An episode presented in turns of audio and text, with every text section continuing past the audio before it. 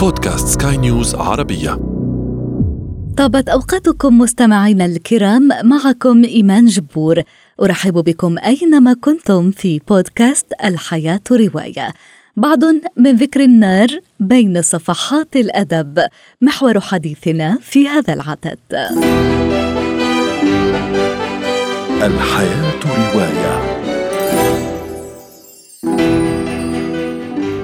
النار المنبعثة من المعاناة تصبح هي النور الذي يضيء الوعي كما قال الكاتب الكندي إيكهارت تولي بين النار وتمثلاتها. نعرج على ذكرها في عدد من المؤلفات الأدبية والفكرية.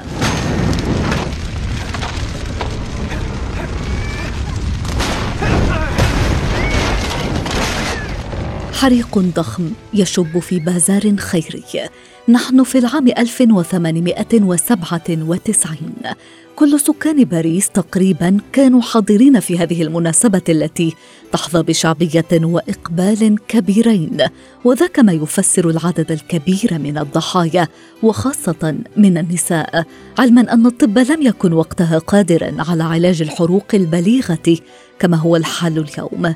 وفي قلب معاناة هذه الفاجعة تروي لنا الكاتبة الفرنسية جايل نوان قصة ثلاث نساء يبحثن عن الخلاص وتتقاطع مصائرهن خلال هذا الحريق.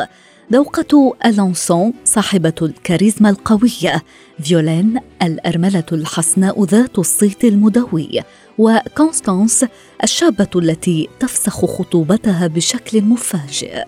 أثنى النقاد كثيرا على العمل البحثي الذي اطلعت به الكاتبة لتقدم لنا مشاهد من الوصف الدقيق الواقعي للحياة الباريسيه إبان تلك الحقبة. رواية يتقاطع فيها الرومانسي بالتاريخي مع مسحة من علم الاجتماع ومع ذلك يقدم بقلم أنيق وكلاسيكي يعطي الانطباع بأن كاتبة الرواية عايشت تلك الحقبة. لكن الواقع أن رواية La Part des flammes صدرت قبل بضع سنوات فقط ونقتبس منها لقد أصبحت تحب معاناتها الجسدية لأنها كانت أحيانا تستحوذ على كل انتباه عقلها وتحررها من شر أعمق.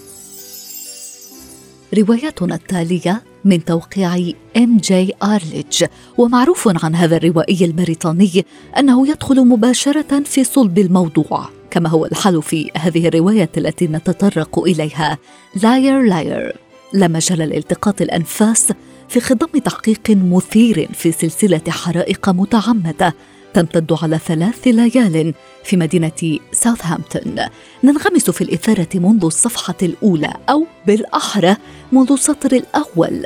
مراهق يتردد في القفز للإفلات بجلده من منزل غارق في النيران. فوضى عارمة تبدأ بعد هذه الليلة المأساوية. سباق مع الزمن لمعرفة من يقف وراء هذه الحرائق التي تزرع الموت والرعب في طريقها.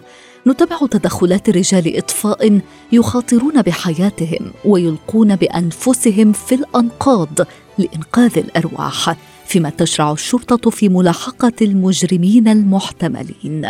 نقرأ في الرواية ستة حرائق في 24 ساعة قتيلان وعدة مصابين. لم تشهد قائدة الشرطة هيلين جريس أمرا كهذا من قبل.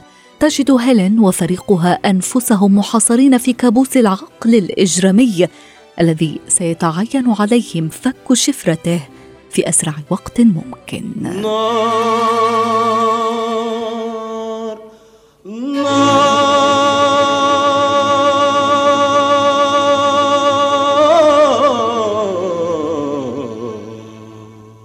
نار حبيبي. أضاءت النار والتهمت. حمت ودمرت. فهل نتوقف بين الفينة والأخرى لنتأمل هذا العنصر الحيوي؟ وما أحدثه من تغييرات جوهرية في حياة البشرية؟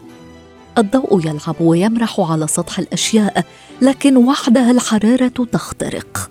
سرد فلسفي شعري في التصور البشري للنار. تلك التي شكلت الكون وبعثته من رماد. مثل طائر الفينيق. النار في التحليل النفسي للفيلسوف والكاتب الفرنسي غاستون باشلاغ مؤلف من سبعة فصول تضم عقد التحليل النفسي للنار فضاء التناقض بين الخير والشر تلك التي تضيء في الجنة. وتحرق في الجحيم. النار التي كانت العنصر المحوري للمجتمعات البدائية يعتبرها الكاتب كائنا اجتماعيا أكثر من كونها عنصرا طبيعيا. كتاب لإنصاف النار في التاريخ والأدب والمجتمع. يقول بشلاغ إذا كان كل ما يتغير ببطء تفسره الحياة فإن الذي يتغير بسرعة يفسر بالنار. النار هي الحي جدا إنها حميمية وكونية تعيش في قلبنا كما تعيش في السماء ومن بين كل الظواهر فإنها حقا الوحيدة التي يمكنها الحصول أيضا بشكل واضح على القيمتين المتعارضتين الخير والشر. الحياة رواية. وفي ختام هذا العدد أشكر لكم وفاءكم وطيب إصغائكم مستمعينا الكرام.